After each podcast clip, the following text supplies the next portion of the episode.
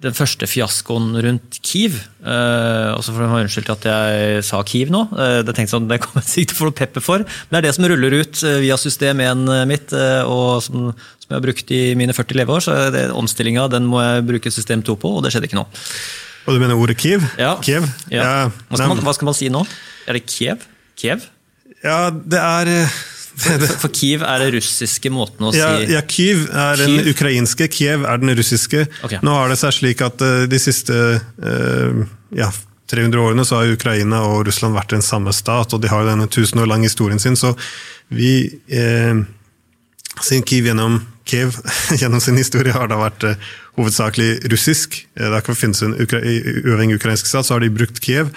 Og eh, dette er da betegnelsen man også har tatt i engelske, om ikke er feil, norske språk også.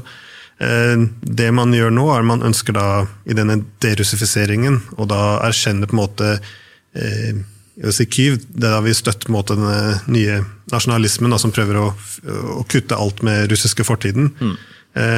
så det er på en måte, Folk som sier Kyiv, de prøver å vise støtte for denne nye nasjonalismen, mens Kiev eh, ja, falle på andre siden. Da. Eh, jeg har vært litt kritisk til ikke for, for det første så må man jo kunne si eh, eh, Bruke ordet man har for det i sitt eget språk. F.eks. på engelsk skriver man Kiev. Det er det vi har hatt. så Vi blir ikke tvunget til å kalle Tyskland for Deutschland. Eh, mm. så, så, så, så, det er det, ene, det ene eh, aspektet som er problematisk. Eller så, ja, eller så er det også at det, dette er en del av sånn som jeg ser det, den eh, nye nasjonalismen er en del av, av problemet. Det, det, at de nå skal deassosiere seg selv helt fra Russland mm. Eh, og russisk. fordi du har jo millioner og millioner av russisktalende i, i Ukraina. Så, så den hele derussifiseringen det var det som begynte med å, å, forby russisk språk i det offentlige. De begynte å slå ned på russisk kultur, eh, bøker, alt som var skrevet på russisk. Og eh, dette har vært en eh, kilde også for undertrykkelse internt i Ukraina. Da snakker vi helst i øst, øst, øst og sør. Ja.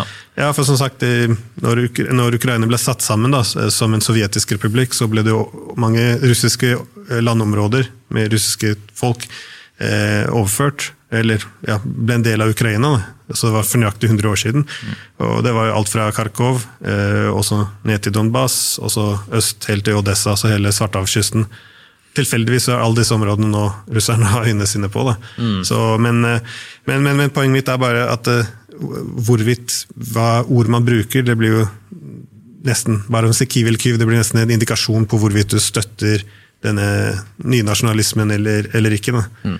Uh, og som sagt, Det blir alltid komplisert, for jeg kan forstå ønsker å altså, se seg litt vekk fra Russland, fra en egen nasjonal identitet, så det ikke skal bli absorbert inn i Russland. Det er veldig klart nå, det er en god, god grunn til å frykte dette.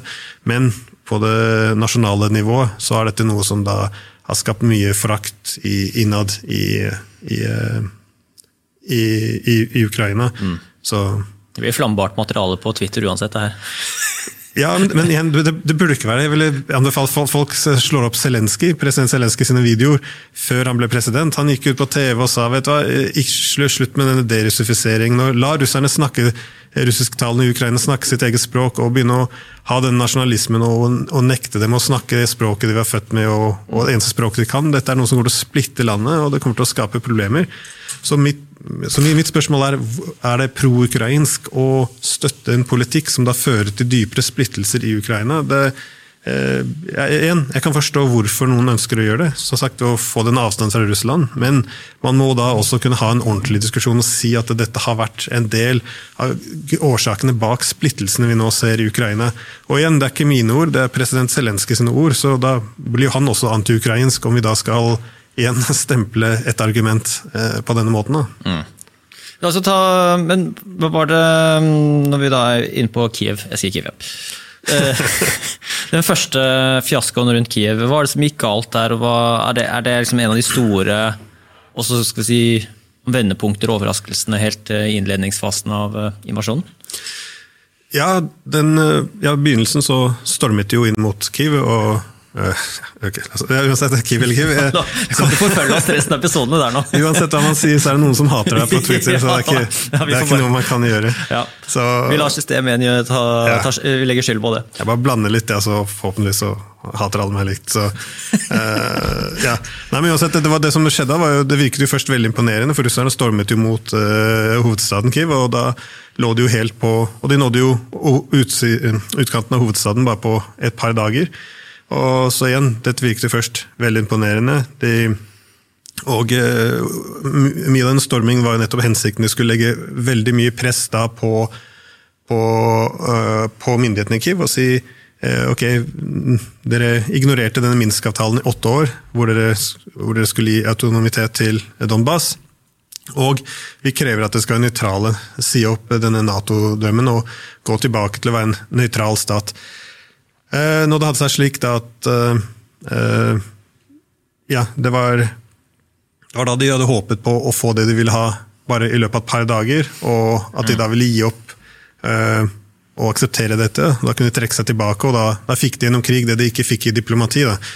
Men uh, igjen, det som først så veldig imponerende ut, viste seg å ha veldig mange svakheter. fordi om du husker Kartene var territorier det holdt. Mm. Uh, det hjelper jo ikke alltid å holde territorier, for det egentlig holdt var bare mange veier. Uh, lange strekninger. Og, og, de hadde jo, i, og i krig, det, logistikk er det viktigste. Du må ha forsyningslinjen din i orden. Mm.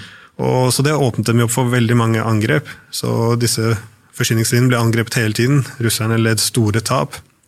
I, I, tillegg så sto det på utkanten av hovedstaden, de kunne bli lett angrepet. og Det viste seg å være en veldig vanskelig stilling å ha.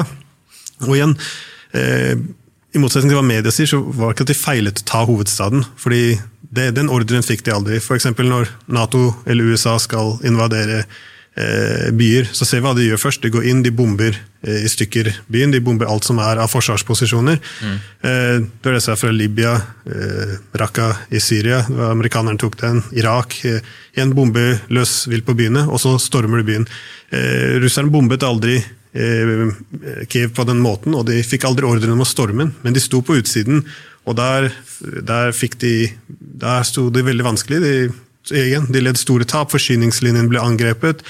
Eh, og de måtte da eh, erkjenne at eh, de ikke fikk det de ønsket, da, som mm. var en rask slutt på krigen, og få denne nøytraliteten som de ønsket for, for Ukraina. og Eh, og uavhengighet da for Donbas. Så er det en taktisk antakelse da at, vi, eh, at Russland ikke, at, at eh, de militære lederne ikke ga et grønt lys for å liksom, ta Kiev og, og, bombe det, men at man brukte det som pressmiddel? Er det, altså er det en taktisk antakelse, eller er det noe som er dokumentert? Nei, men De hadde ikke nok mennesker heller. De hadde en 40 000 da, som soldater. Uh, Kiev har jo flere millioner innbyggere. Det, det, var ikke nok soldater til å begynne med til å, til å ta byen. Uh, så det, det Ja. Og i tillegg skulle de gått løs på den. Eh, igjen, se på bildene fra Libya, og Irak. Om, om de hadde gjort det mot Kiev, eh, da hadde den krigen veldig fort blitt veldig upopulær i Russland. Uh, så det ville gått eh, utover støtten til krigen. Og det ville selvfølgelig forferdet verden, ikke bare Nato-verden, men verden utenfor Nato, altså. Så, så jeg, jeg, vet ikke om det var det som var uh, om de ikke hadde muligheten til det, om det var noe moralsk, om de ønsket å opprettholde støtten i folket. Jeg, jeg vet ikke hva det var, men uansett så gikk de aldri til det, til det, til det steget. Men det de gjorde, var øh, Det de hadde nå etterpå sagt, var jo vel øh, Det hadde en strategisk hensikt. Det de gjorde, var å binde opp en haug av ukrainske styrker i hovedstaden, som måtte forsvare den, mm. mens da øh, Russland organiserte det de ønsket å gjøre i Donbas, mm. som var da å forme slagmarken på en måte som da var deres favør. Og I tillegg brukte de to første månedene også på å bombe alt som var av eh, ja, raffinerier. eh, drivstoffdepot, våpendepot. Så bare pass på at de har minst mulig tilgang til utstyr, våpen, mm. drivstoff, for å kunne fungere optimalt og slå ut det som er av artilleri. Og, ja. Så det var det de sier nå, at det, det hadde den strategiske hensikten, og det var akkurat det du var ute etter. Jeg ser ikke det som helt ærlig. Jeg, jeg, tror hovedmålet var som far sagt å få den avtalen på plass i løpet av et par dager med Ukraina, få løst denne Minsk-avtalen. og mm. ja, ikke, Det hadde jo aldri gått videre med full uavhengighet, selvfølgelig, men også få den nøytraliteten. Men da det ikke gikk, så uh, ja, så, uh, så, så, så argumenterte jeg at det er bedre å binde opp de ukrainske styrkene der. Men uh, Eh, men igjen, det var ikke en stilling de kunne holde på heller, så da, da trakk de seg tilbake etter hvert også. Eh, og ja, Så jeg ville si det var, det var en Jeg ville sett på det som en fiasko, passer vel som et uh, ord. Det gikk jo ikke bra, de led store tap. Uh, men også i Vesten så skriver vi fortsatt om hele krigen som om det skulle være rundt Kiev. Da. Og det som skjer i Donbass er noe veldig forskjellig. Mm. For det som som sagt skjedde når Kiev-operasjonen eh, ble avbrutt, eh, var jo at de da med andre ord, de fikk ikke den raske seieren de hadde håpet på. En, eh, ja, bruke militæret for å dytte gjennom den diplomatiske løsningen. Da, da var det bare ett mål, da var det bare en annen ting de kunne gjøre, og det var jo å beseire og slå ut den ukrainske hæren.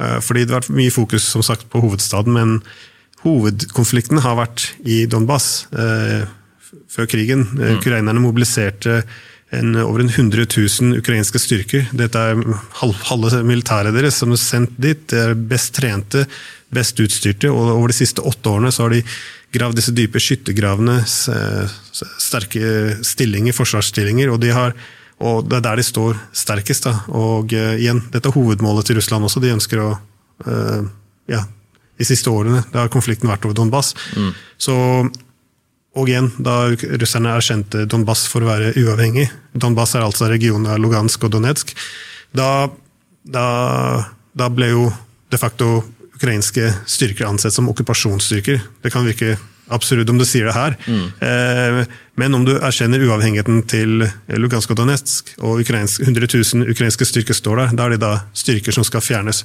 Så igjen, du får ikke diplomatisk løsning, da må det bli en krigsløsning, og det var da det bestemte seg. Da må vi bare slå hele hæren. Eh, og eh, ja, det begynte ikke på et optimalt punkt, fordi russerne mobiliserte jo bare en 200 000 styrker i underkant av det, og først sendte inn bare halvparten. Så det var ikke så mange styrker, eh, med tanke på at da hadde ukrainerne flere styrker. Vanligvis ønsker du å ha det forholdet andre veien, du ønsker å ha tre ganger så mange styrker som de du angriper. Så det begynte på, sånn sett på et svakt punkt også.